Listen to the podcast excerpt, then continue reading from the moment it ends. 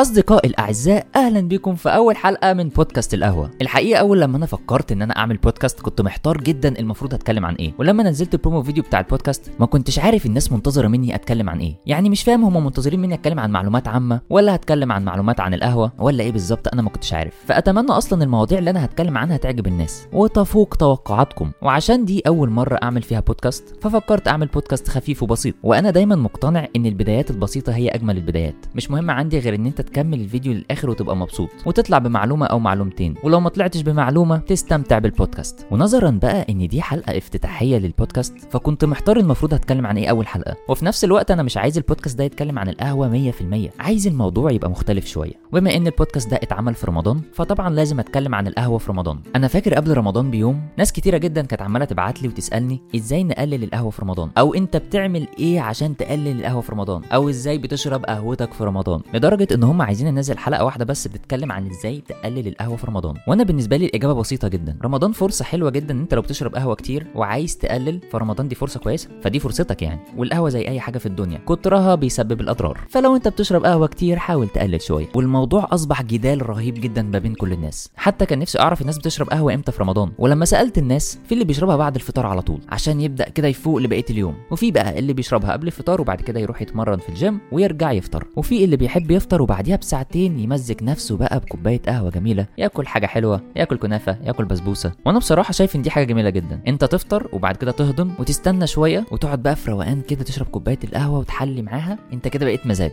وفي وقت السحور برضو الناس بتشرب قهوة عشان تقدر تكمل. خصوصا إن في ناس بيبدأ يومها بعد صلاة الفجر. بيكونوا اتسحروا وشربوا قهوتهم وبيبقى عندهم شوية طاقة. يطلعوها بقى في شغل في مذاكرة ينزل يجري في الشارع في أي حاجة. المهم الموضوع ده كله بياخدنا على حاجة مهمة جدا. العنصر اللي موجود في القهوة اللي الناس كلها بتحبه. والعنصر ده هو الكافيين. خلينا بس متفقين إن الكافيين مش موجود في القهوة وبس موجود في حاجات كتيرة جدا. الشاي والشوكولاتة وحاجات تانية كتير. والكافيين أصلا هو عنصر كيميائي بيتقال عليه methylxanthine و alkaloid. أنا بصراحة مش عارف بنطقها صح ولا غلط يعني. وعشان تقيس الكافيين في القهوة أصلا صعب. أكيد ليها طرق أنت يستحيل تعرف تقيسها في البيت. فلو حد جه قال لي الإسبريسو فيه قد إيه كافيين مش هعرف أقول لك. والكافيين هو بيتقاس بالملي جرام أنا لما بحب أعرف معلومة زي دي بخش على النت بشوف أي website medical بيكونوا حاطين reference للحاجات دي. وغالبا مثلا الإسبريسو ممكن يبقى فيه من 60 ل 63 ملي جرام من الكافيين. طبعا كوباية الإسبريسو اللي أنا بعملها في البيت عمري ما هعرف هي فيها قد إيه كافيين. لأن أنا مش هعرف أقيسها. بس بعتبر إن هي 60 ملي جرام من الكافيين. بص هقول لك حاجة. الكافيين زي ما ليه فوائد أكيد ليه أضرار. يعني مثلا في ناس بقعد معاهم أتكلم معاهم على الكافيين يقولوا لي ده ملهاش أضرار خالص. اشرب قهوة براحتك.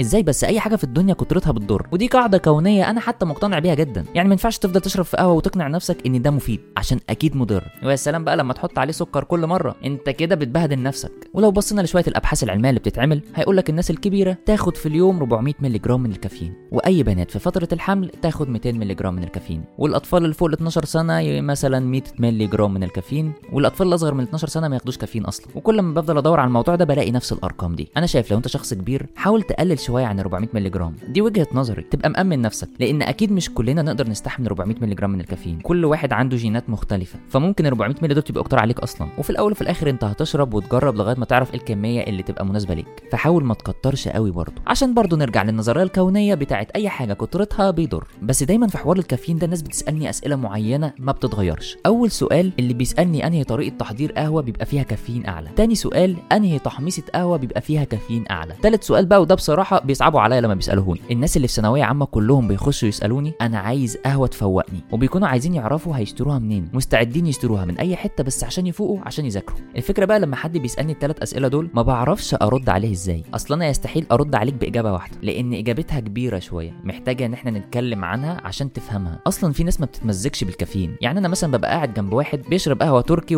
ومتحمصه غامق جدا محروقة على فكرة وجودة الحبوب نفسها عادية جدا وكمان لما تتحمص الكافيين بيقل وبيبقى قاعد مبسوط ومتمزج جدا وهو بيشربها. فأكيد ما تمزجش ولا تكيف ولا فاق عشان فيها كافيين. هي الفكرة كلها إن هو عاجبه طعم المرار اللي جوه القهوة. وده بياخدنا على حاجة مهمة جدا هو العامل النفسي اللي بيفرق جدا وأنت بتشرب القهوة عشان تبقى مبسوط. ده بقى يفتح ثلاث نقط مهمين جدا عشان نشرح إيه اللي ممكن يفرق عشان يغير نسبة الكافيين. أول حاجة التحميصة. مبدئيا التحميصات كلها الفرق في الكافيين مش كبير. بس منطقي جدا كل ما بتحمص القهوه أكتر كل ما الكافيين بيقل بنسب بسيطة جدا. فالموضوع ده أمره مفروغ منه. آه مش هنقعد بقى نسأل القهوة الفاتحة فيها كافيين أعلى ولا القهوة الغامقة ولا الكلام ده كله. كلهم قهوة وكلهم فيهم كافيين. نيجي لنقطة تانية. نوع حباية البن. مبدئيا كده حبوب البن بتتزرع في أراضي كتيرة جدا في العالم وبتختلف في الارتفاع اللي بتتزرع فيه فحباية عن حباية أكيد بتفرق زي كده المانجا اللي واخدة حقها في الزراعة. بيكون طعمها حلو وجميل وزي الفل. أو الطماطم والخيار ال organic. ده كلام جميل جدا. ده غير بقى إن القهوة في منها حبوب أرابيكا وحبوب روبوستا. مع حبوب الروبوستا الأغلب بيبقى فيها كافيين أعلى. بس ممكن يبقى في حبوب روبوستا الكافيين فيها أقل من حباية معينة من الارابيكا جايز. ما هي برضو حاجة مش ثابتة ما هي في حبوب كتيرة جدا من القهوة يعني هتعرف منين؟ نيجي لآخر حاجة وأهم حاجة طريقة تحضير القهوة. يعني مثلا الإسبريسو ال 30 مللي اللي أنت بتعملهم دول بيكون فيها نسبة كافيين عالية جدا. بس أنت لو عملت 200 مللي filter coffee هيبقى فيها كافيين أعلى. مثلا 150 مللي جرام من الكافيين. ده معناه إن أنت لو شربت ربع كوباية ال filter coffee كده أنت خدت الكافيين كله؟ أكيد لأ. روح اشرب ال 30 مللي إسبريسو هتاخد كافيين أعلى. ما أنت هتشرب ال filter coffee كله يا تروح تشرب الحبة الصغيرين بتوع الإسبريسو. فهنا بيقول لك إن ال filter coffee تركيز الكافيين فيه أقل. بس عشان ال filter coffee بتبقى كميته كبيرة فبيدوب كافيين أعلى جواه.